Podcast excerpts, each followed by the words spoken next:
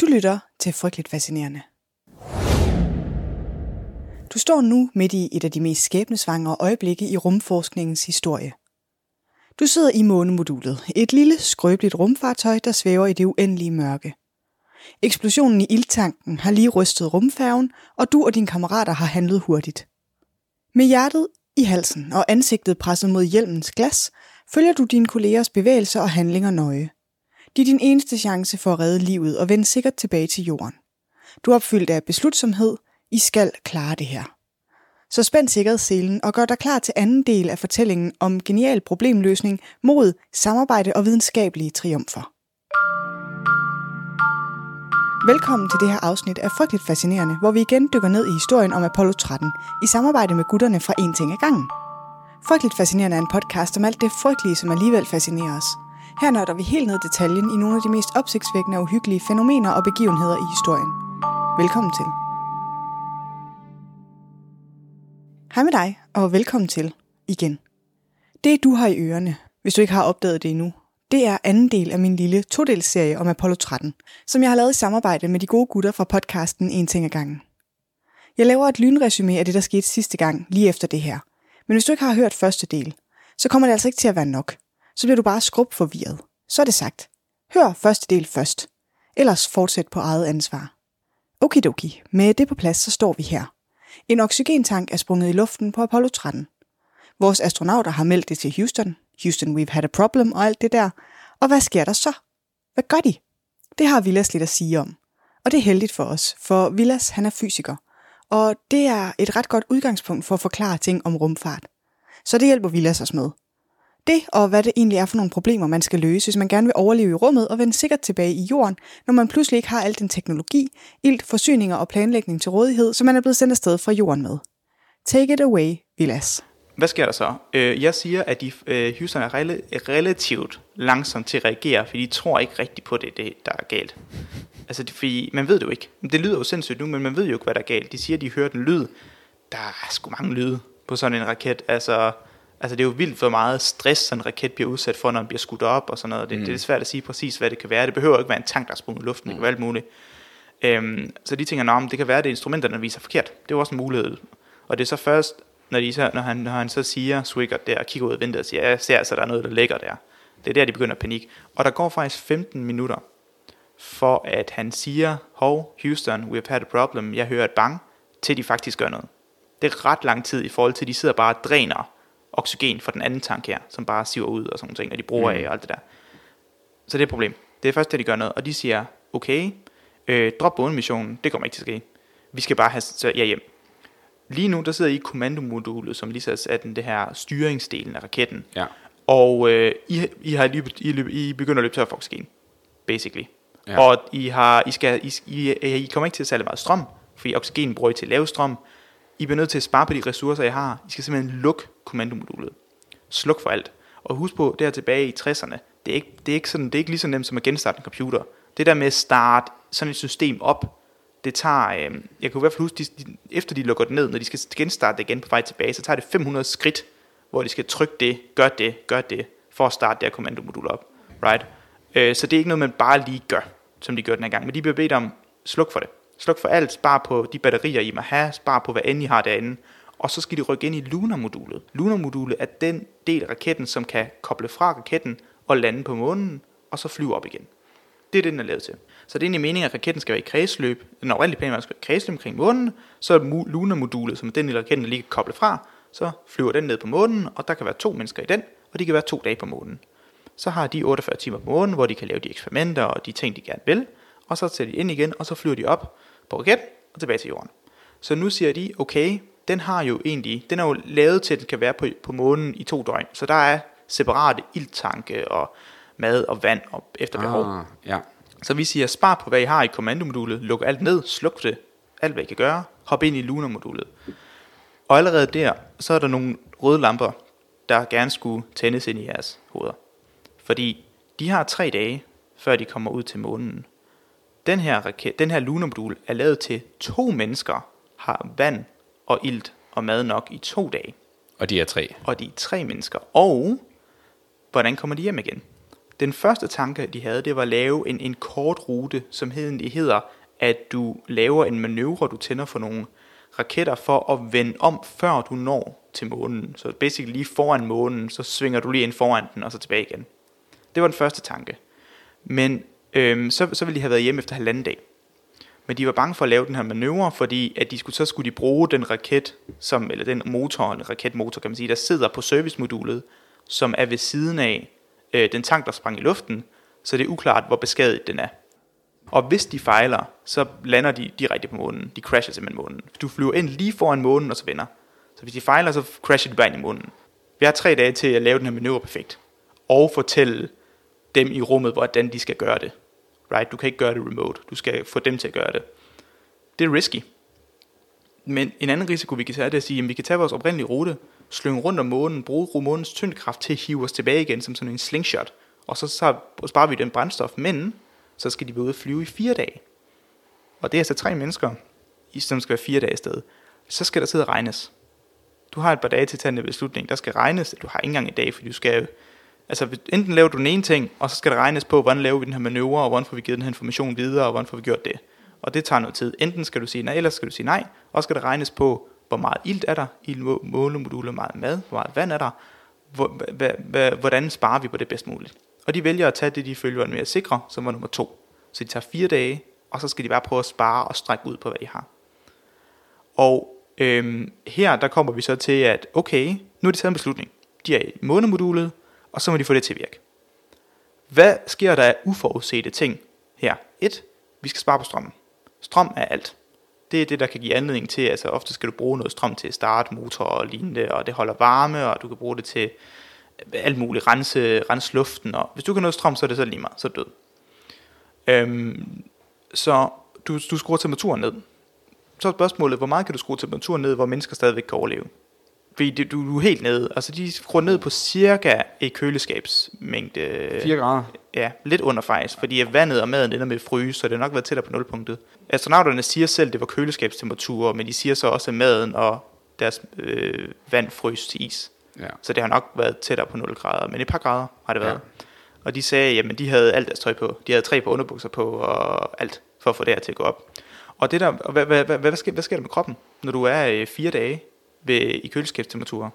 Alt muligt frygteligt for at holde varmen. Du øh, har også meget svært ved at sove. Kan jeg afsløre, øh, jeg tror, det er ham, der Swiggert der. Han sagde, at han gjorde det, at han, hvis han sad op foran, øh, så sad han med sådan armen, du ved, fingrene under armehulerne, mm. og så sagde han, at hvis han lige koncentrerede sig, så kunne han godt sove i 3 minutter gang.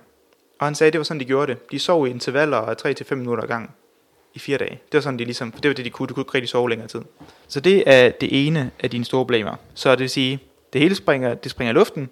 De ved ikke, hvad der sker. De bruger 15 minutter. Som, og det, det er svært at kritisere, for jeg ved ikke, om jeg havde nok ikke gjort det bedre selv, men nu er nogle gange, hvad det var. De, de fortrød i hvert fald bagefter, de brugte så lang tid på at tage en beslutning. De cutter kommandomodulet for at spare på det, hvad der må være energi der, tager op i månemodulet, som ikke har ressourcer nok til tre personer, kun har ressourcer til to personer i to dage. De vælger ikke at lave en kort tur ind foran månen, for de risikerer at støde ind i månen, så de tager en lang tur. Og så øh, har de det første problem, som er det med temperaturen. Det overkommer de i og for sig. Det næste problem, de har, det er, at øh, når du, der kan være alle mulige uforudsete problemer, når du nu presser et system til noget, det ikke er lavet til. Så de kommer meget hurtigt i den situation af, at de ånder for meget. Og hvad mener de med det? Når vi ånder, så, producerer, så kaster vi jo CO2 ud i luften. Hvilket ikke normalt er et problem, for de flyver væk, og så har vi noget mere ilt. Så selvom de har ilt i den her, det her månemodul, så begynder de at producere CO2. Det har man til højde for. Man har nogle filtre, øh, som øh, har sådan noget, øh, hvad hedder det, monoetanolamin, som binder, som er sådan en form for CO2-filter øh, som binder til CO2'et, og så på den måde kan det fjerne CO2 fra luften. Så du binder bare CO2 til noget andet, som du har i dit filter, og så er du ligesom styr på det. Problemet er, at de her filtre, de løber rimelig hurtigt op, de bliver fyldt op. Du får ligesom fyldt de her filtre med CO2, fordi du har tre mennesker, der er derinde i stedet for to.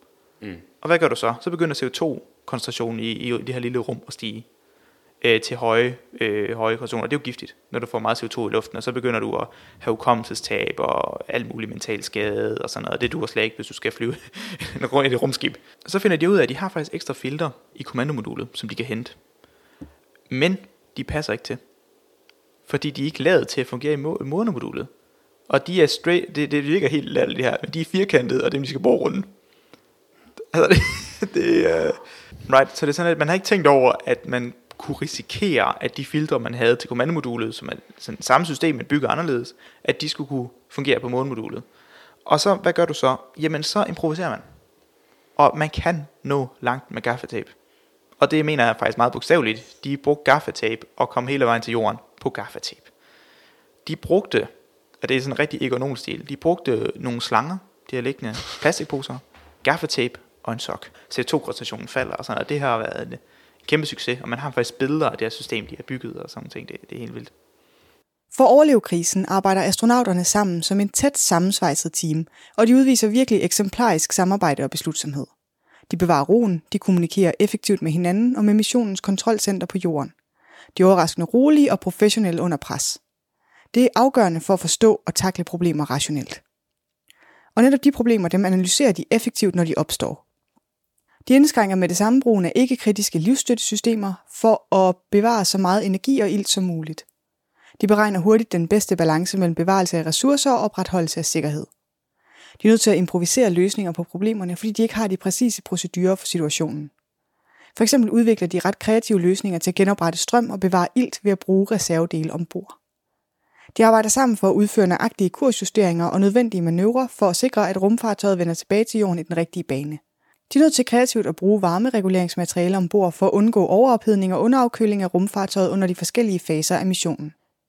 Det er virkelig kun takket være astronauternes evner, beslutsomhed og samarbejde, og selvfølgelig den sindssygt effektive hjælp fra Mission Control teamet på jorden, at de klarer den. Og nu står vi så her. Crewet har løst alle de store indledende udfordringer. De lykkedes med deres slingshot om månen. De har rationeret sig ud af forsyningsproblemer, bygget en Egon Olsen-agtig løsning på deres CO2-filtre. Og de er vel undervejs. De har omkring en dags rejse tilbage, før de ankommer til jorden. Det, man kan kalde slutspurten. Da telefonen på Apollo 13 pludselig ringer. Hvad sker der? Jo, problemet er nu, at Houston ringer op til øh, Apollo 13 og siger, prøv det her her. Vi har kigget lidt på det. Vi har kigget lidt på jeres nuværende kurs, og hvor I er på vej hen. Og øh, I, er, I, I, I er for langt ude. I kommer ikke til at ramme, øh, I, I, kommer, I kommer forkert ind på atmosfæren. Og hvis I kommer ind med den vinkel, I gør nu, så er det ikke fordi, I flyver forbi jorden, men I kommer til at bounce af atmosfæren. Og mm. det kan måske være svært at forstå, hvordan man kan det. Det er lidt det samme som, at, man, man, at du kan slå smut på vand. Det er det samme koncept. Så man kan sige, når du slår smut med en sten, så kommer du ind med, med en fart, og du går fra luft til vand. Altså du går egentlig fra en densitet til en anden. Og det kan du sådan bounce af på, øh, på grund af densitetsforskellen. Det er egentlig bare det. Men det samme, koncept, det samme koncept gælder også, hvis du går fra vakuum til luft. Så går du så for, for en anden densitet, som er basically nul densitet, til relativt høje lufttryk. Øhm, altså ikke højt i forhold til, hvad vi er vant til, men højt i forhold til ingenting. Så hvis du kommer ikke ind med, kommer ind med en forkert vinkel, så kan du ligesom slå smut på atmosfæren, ligesom du kan slå smut med sten på vand. Så hvad, hvad gør man? De siger, okay, I bliver nødt til manuelt at rette raketten til. Så I må bruge, der, der sidder så nogle små raketter rundt omkring øh, på det her servicemodul, som kan justere ind. Øh, men, det, men igen, den her gang, der havde de jo computere, som var forprogrammeret til at gøre forskellige ting. Right? Det var før, før de tog afsted, så havde de programmeret, gør det, tjek på, træk på det. Så, du ved, så computeren vidste, hvad man skulle gøre. Programmet var skrevet. Det er jo ikke ligesom i dag, hvor du kan styre ting remote på den måde, og skrive programmer. Og sådan. Det var meget svært at lave computerprogrammer dengang. Mm. Og de havde ikke noget program til det her. Fordi de vidste jo ikke, det ville ske. Så hvad gør man? Jamen, så må du simpelthen gøre det manuelt. Så de her tre astronauter, de kiggede ud af hver deres vindue, og stod for at styre hver deres del af raketten. Så du kan forestille på sådan en raket, så udover at du kan gå højre og venstre og op og ned, så kan du også rotere. Det er jo også en del af det. Mm. Så de har ligesom styr, de har fået ansvar for hver deres akse. Du står for y-aksen, jeg står for x-aksen, og du står for rotationen. Og så er de ligesom af hver deres små knapper, de kunne større på, for lige at tænde den raket, der lige skubbede lidt i den retning, og sådan lige justeret ind. Og så sidder de simpelthen og får, så bliver de guidet af Houston til at sige, nu skal I kigge ud af vinduet, og når du kigger på jorden nu, så skal du sigte efter, at du skal kunne se horisonten, eller det, det i den her grad. Og så på den måde, så prøver de at justere ind, og de jo igen sovede tre minutter ad gangen i, øh, hvad hedder det, snart fem, øh, fem, fem dage på det her tidspunkt. Øh, de er dog næsten op, i små, næsten seks dage, er de oppe i rummet i det hele taget. Og det, det er pissekoldt køleskabsforhold. De er løbet tør for vand på det tidspunkt, ellers er de ved at gøre det for det det sidste døgn, og de har nok heller ikke meget mere mad. Right? Og det er her, hvor du manuelt skal kigge ud af det her vindue i rummet og justere raketten ind med præcision, oh. øh, millimeters præcision. Ikke? Og så er det altså heller ikke bare sådan, at du sidder i din raket og sigter efter et stillestående mål. Det er universet, det her. Alt er moving parts. Også jorden, som vores astronauter forsøger at ramme. Og når der så er alt styr på det, så når de så skal til, og det, det lykkes faktisk det her, hvilket også er crazy. Øh, altså hele historien er en vanvittig historie. Så når de så skal så til at være klar til lande, så skal de jo ind i kommandomodulet igen. Og hvorfor det? Øh, fordi man kan sige, hvis kommandomodulet var, som er lagt på servicemodulet, var det, der var risky at være i, og der vil de, de skynde sig væk, fordi de blev tør for ilt. Hvorfor skal de så derind igen? Hvorfor ikke, du kan, fordi det kan kobles af. Hvorfor ikke koble det af og få det væk? Jo, det er fordi, at det er den eneste del af modulet, der har varmeskjold. Og det skal man bruge.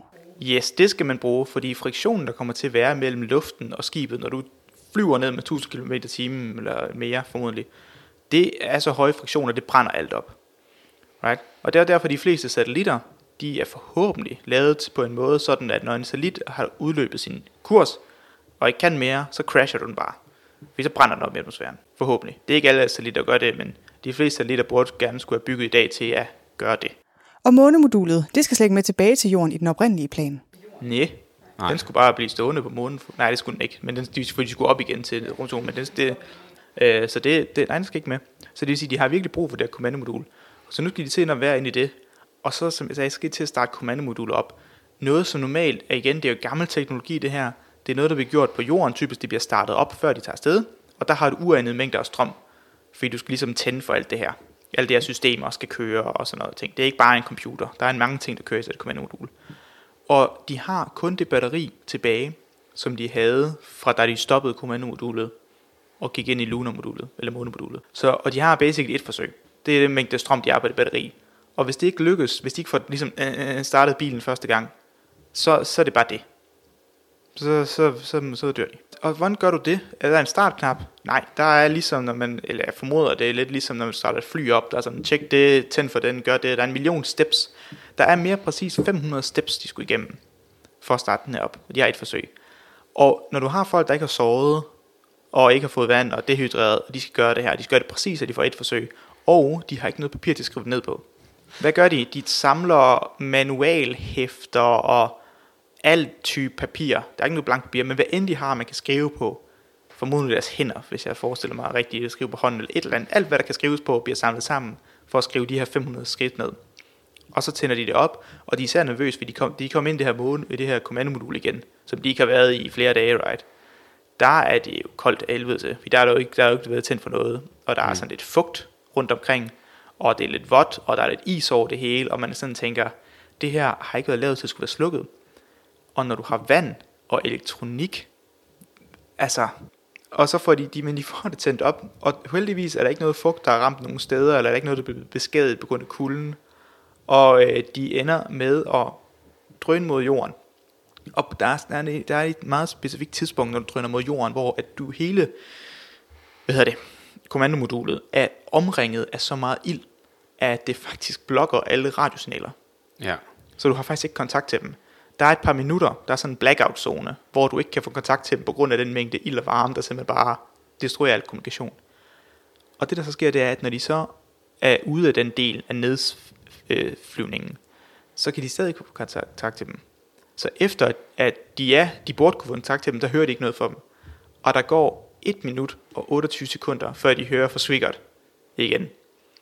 Og det har været de mest nervepirrende. Der bare forestil dig en helt kontrolcenter, folk bare sidder og tænker, Øj, gud, de skulle have sagt noget for 20 sekunder siden. Nej, de skulle have sagt noget for 40 sekunder siden. Nej, de skulle have sagt noget for 1 minut siden. Og der sker bare ikke noget. Så det første, der lige siger, ja, vi er her og sådan noget, og der går folk jo fuldkommen mok. Fordi der er vi basically, der er vi hjemme. Så er vi home safe. For efter det, så kan vi igen gå tilbage og forlade os på de ting, der er forudprogrammeret. Udløsning af faldskærm, der skal sænke nedslaget, kapsler, der dumper ned et sted i Stillehavet, og astronauter, der bliver hentet af NASA med en båd. Sikkert hjemme igen. Halleluja. Begivenheden omkring Apollo 13-missionen bliver jo virkelig fuldt af millioner af mennesker over hele verden, fordi det er den første ægte tv-transmitterede rummission, og fordi det er så sindssygt dramatisk. Derfor er det også under stor lettelse og jubel, da Apollo 13-missionen endelig vender sikkert tilbage til jorden. Den bliver hurtigt et symbol på menneskelig udholdenhed, mod og teamwork. Besætningens evne til at takle en krise i rummet og vende sikkert tilbage til jorden bliver mødt med stor stolthed og beundring. Ikke kun af deres kolleger inden for rumforskning, men af folk over hele verden. Og senere får Apollo 13-missionen en betydelig indflydelse på rumrejser frem efter på flere måder. Efter Apollo 13 lærer NASA og rumfællesskabet vigtige lektier om risiciene ved rumrejser og vigtigheden af at forbedre sikkerhedsprocedurer. Der bliver indført strengere protokoller, procedurer og test for at minimere muligheden for lignende fejl i fremtiden. Apollo 13 viser selvfølgelig også svaghederne i nogle af de teknologiske komponenter. Det fører til yderligere forskning og udvikling af mere pålidelige systemer og teknologier, som bliver brugt på senere missioner. Missionens dramatiske hændelser understreger også vigtigheden af astronauternes træning og nødprocedurer. Astronauternes uddannelse og træning bliver yderligere forbedret for at forberede dem på uventede situationer i rummet. Og så viser Apollo 13-missionen også, hvor vigtigt internationalt samarbejde og deling af viden er. Det øger opmærksomheden på behovet for at samarbejde på tværs af lande i fremtidige rummissioner. Det er noget af det, der senere fører til oprettelsen af internationale rumstationer som ISS, hvor Andreas Mogensen sidder og vinker ned til os fra lige nu. De dramatiske begivenheder tiltrækker selvfølgelig stor offentlig interesse og øger opmærksomheden omkring rumforskning. Og det øger støtten til fremtidige rummissioner. Så på den måde bliver Apollo 13-missionen en vigtig milepæl for rumforskningens historie. Selvom missionen ikke når sit oprindelige mål om at lande på månens overflade, så har dens indflydelse på rumrejserne været afgørende for at forme fremtidige missioner og opnå bemærkelsesværdige videnskabelige og teknologiske resultater. Og med det sagt, så vil jeg bare lige hurtigt vende det her med rumrejse. For rumrejse og ophold i rummet er virkelig noget af det, der giver mig verdens største følelse af eksistentiel frygt. Der er fandme bare noget uhyggeligt ved det ekstreme, ukendte og virkelig fjendtlige miljø, som rummet er. Det er bare så dybt fjendtligt over for mennesker, og hvor de normale forhold for liv og overlevelse, som vi er vant til på jorden, bare ikke er til stede. Rummet har den her overvældende følelse af isolation og uendelighed. Astronauter, der befinder sig i rummet, er afskåret fra jorden, fra deres hjem og fra alt det, de kender. Det der med at være omgivet af så meget tomhed, det er fandme svært at forstå og forholde sig til. Det samme gælder for det der med at være fuldstændig afhængig af teknologi for at overleve. Alle fejl i rumskibets systemer kan have potentielt fatale konsekvenser for sikkerheden.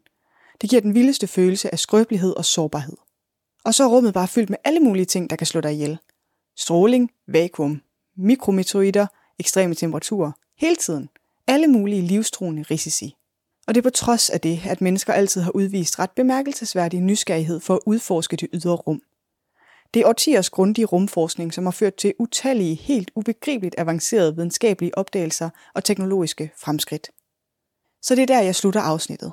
Med en skål til videnskabsfolk, der laver svær forskning og grundige beregninger, som vi andre ikke behøver. Tak for det. Skål. Det var afsnit 62 af Frygteligt Fascinerende. Researchet skrevet og optaget i samarbejde med gutterne Villas og Tobias fra podcasten En ting ad gangen. Og redigeret mig. Jeg hedder Maria. Næste afsnit kommer allerede i næste uge, og du kan høre det i iTunes, Spotify eller der, hvor du normalt lytter til podcast. Som noget nyt kan du også støtte podcasten via Buy Me a Coffee. Jeg kigger på hatten og siger mange tak for dem, der har lyst til det. Tak for nu.